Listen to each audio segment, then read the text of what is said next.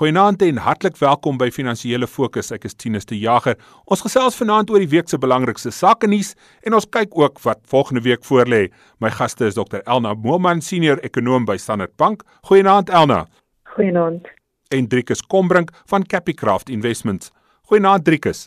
Naand uh, Tinus en naand luisteraars. Elna, president Ramaphosa het die week in sy gesprek met die Nigeriërs gesê dat Afrika op 'n klomp moontlikhede sit. Daar's klomp potensiaal vir produksie, vir groei, maar ook vir infrastruktuurontwikkeling. In jou mening, is dit 'n werklike verwagting? Bestaan die potensiaal regtig? Ek dink ons meriete in daai opmerking, so ek dink dis wel bekend dat ons baie natuurlike hulpbronne het, as mens dink aan mynboukommoditeite en landboupotensiaal en toerisme, meer as baie ander dele van die wêreld. En dan natuurlik het ons ook natuurlik die voordeel van 'n redelike jong bevolking. Ons het nie 'n probleem wat ons byvoorbeeld in Japan sien nie. So dit gee vir ons baie moontlikhede en jy het nou ook verwys na infrastruktuur wat wat natuurlik 'n groot potensiaal bied. Maar ek dink nie die vraag is seker, jy weet, of daar potensiaal is nie. Die vraag is eerder hierdie potensiaal is vandag daar, maar dit was ook 10, 20 jaar gelede daar. Wat is nou anderster? Is daar nou 'n groter waarskynlikheid dat hierdie potensiaal ontgin gaan word? Driekus ons het in die week verwys na die plan wat die ANC nou goedgekeur het vir ekonomiese ontwikkeling en hulle verwys ook na infrastruktuur daarin maar daar's van die ekonome wat gesê het dat dat hierdie plan soos wat Elna nou net gesê het al van 2011 af bestaan is het die omstandighede verander gaan gaan kan ons die plan begin toepas nou Ek dink die omstandighede is besig om baie te verander ja. Ek dink die omstandighede druk die regerende party in 'n hoek en hulle moet iets doen. Ehm um, beteken waar daar nie politieke wil is nie, dwing dit politieke reaksie af of jy nou die politieke wil het of nie. Maar dit kan tot verskeie ander dinge lei.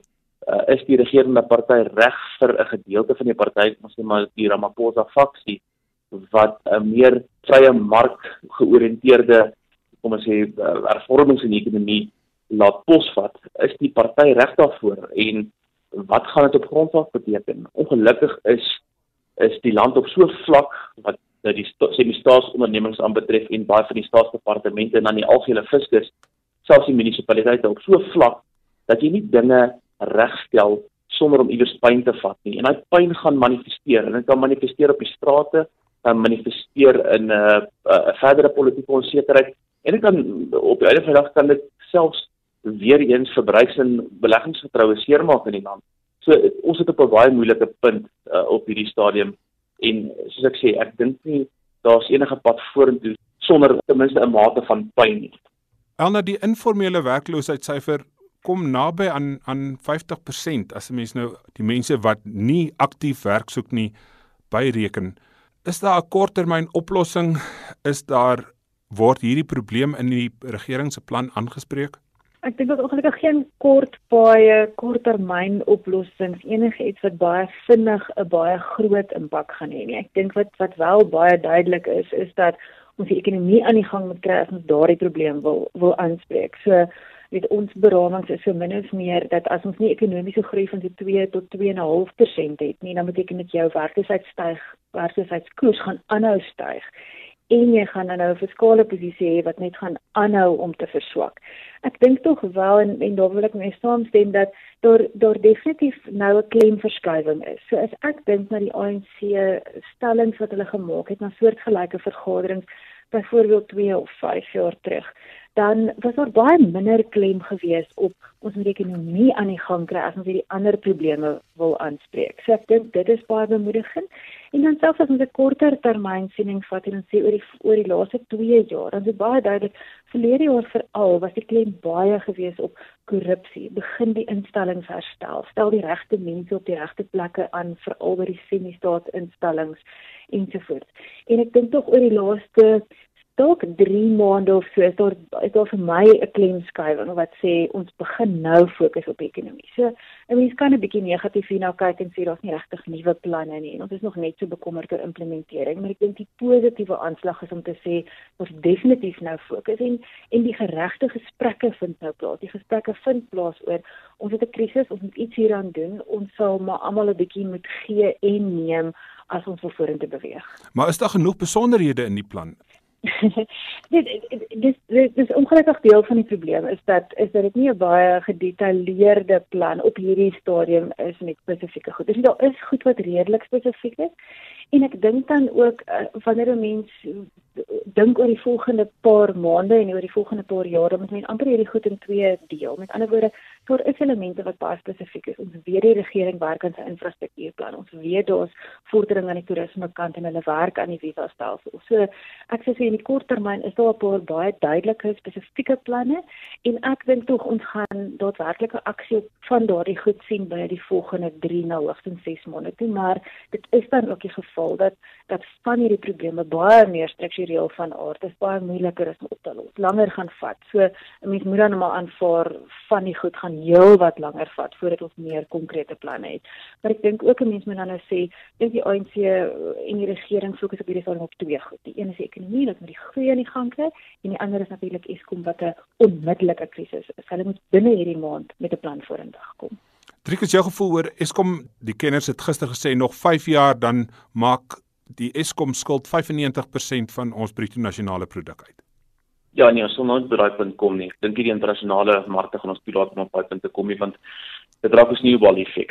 Ons sal tot daai punt wat ons die die finansiering van ons skuld elke jaar 'n groter en groter gedeelte, eksponensieel groter gedeelte elke jaar maak van ons fiskus, van ons uh, uitgawes. En ehm um, dit beteken ons het minder geld om op ander goed te spandeer wat die druk op die ekonomie sit op ander maniere. Jy weet dit dit, dit verlaag die vermenigvuldigingsproses van staatsbesteding oor die algemeen waar jy tipies moet verwag dat 'n uh, regering wat soveel geld spandeer as persentasie van BBP redelike vermenigvuldigingsproses moet hê in die ekonomie is ons besig eintlik met die private sektor dan uh, ja of uit die uit die stelsel uit te skryf. Die groot probleem is ons praat van al hierdie planne en dinge, maar dit mag tog ten minste laat wees. Want die groot probleem is in 2020, ons gaan teen die einde van die mediumtermynbegroting dalk hierdeur dat die werklike tekort waar dit eers beraam was so rondom 4% van BBP dat ons begrotingstekort so 6% kan wees. Volgende jaar moet ons omtrent 6% van BBP in staatsskuld oorrol.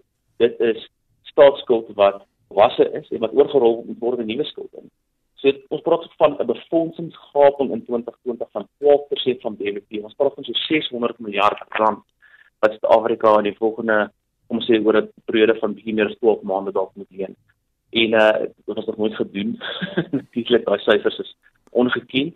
En so as as daar nie binne binne die volgende 6 maande tot 12 maande genoeg vertroue gegee word aan buitelandse beleggers nie, gaan ons heelwat meer moet betaal vir daai skuld as wat ons self alreeds betaal. Dis nou as als in die buiteland goed gaan, ons markte lyk like asof ons reageer op elke dingetjie wat oorsee Europa of Amerika gebeur.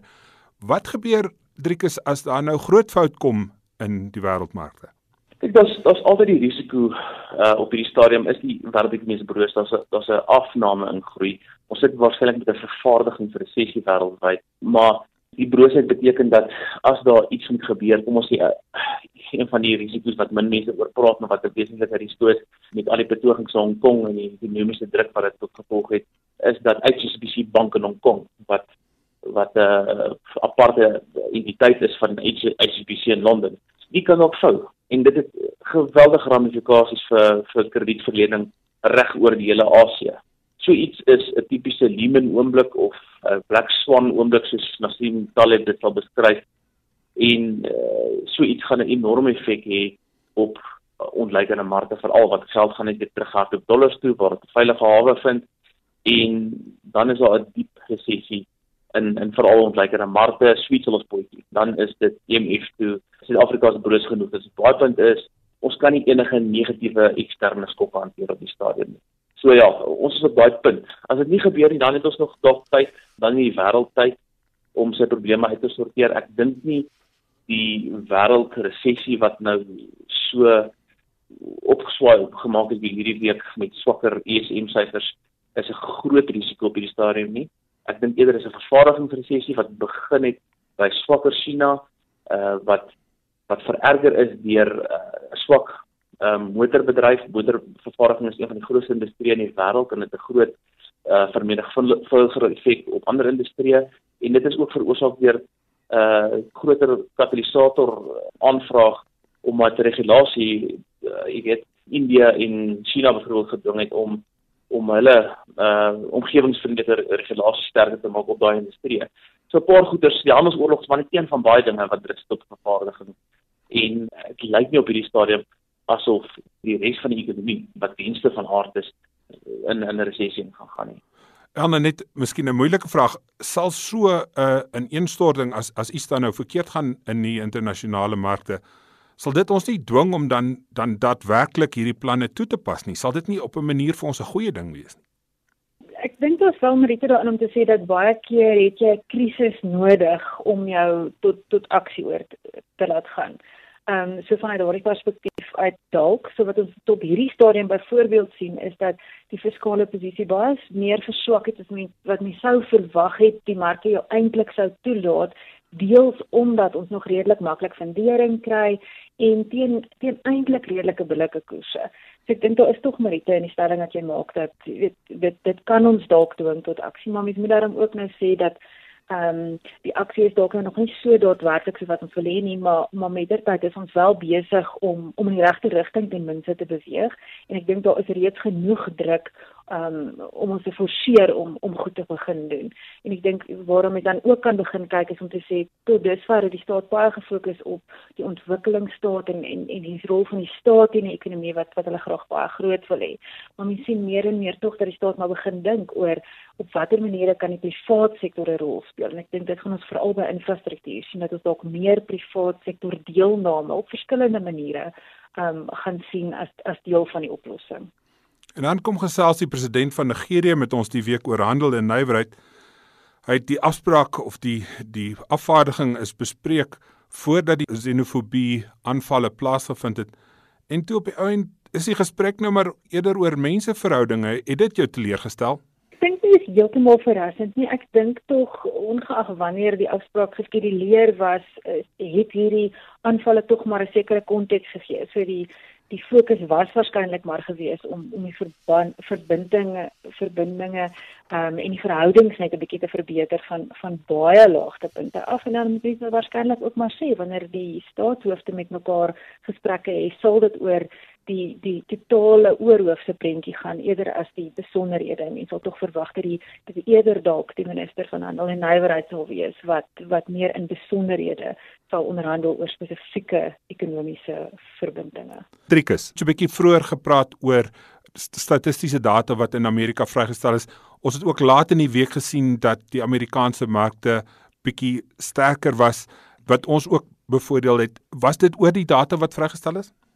Ja, kyk, ek dink die grootste beweging in internasionale markte hierdie week was as gevolg van die sogenaamde ESM Institute of Supply Management se uh vervaardigingssyfers wat voor hierdie week maandag bekend gestel is.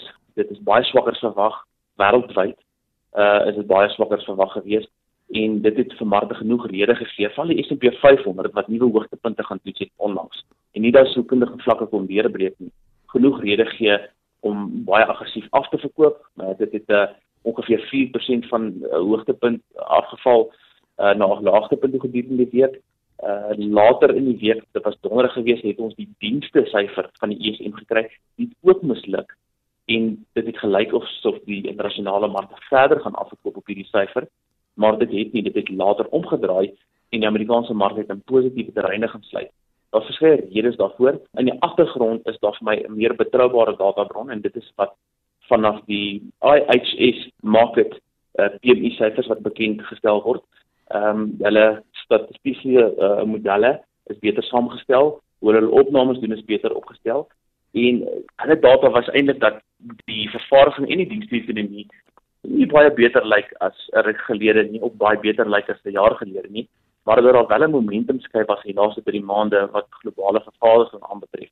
So vervaardigingssyfers volgens die die market PMI in teenstelling met die van die EMS wys eintlik dat daar 'n klein verbetering is sedert Junie maand wat vervaardiging in die wêreld betrok gehad het. So oppas, weet wat is statistiek jy lees en wat 'n narratief jy inlees.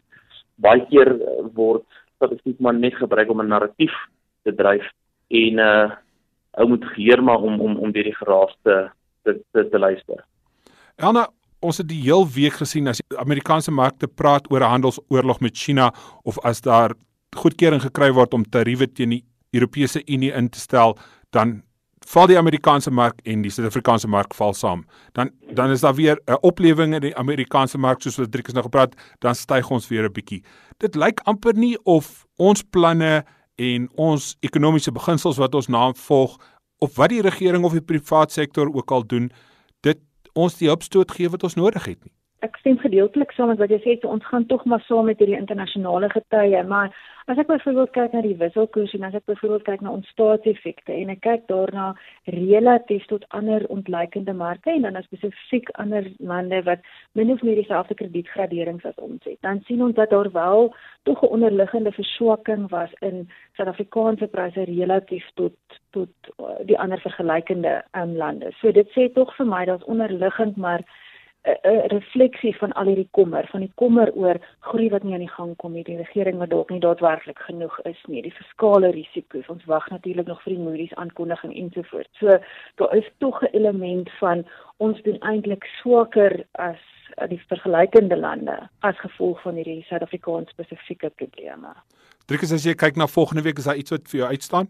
Ja, ons sit ehm um, maandag 7 Oktober het ons die besigheidsvertroue van die sakekamer af uh vertrousyfers van Suid-Afrika, dis 'n belangrike ene wees.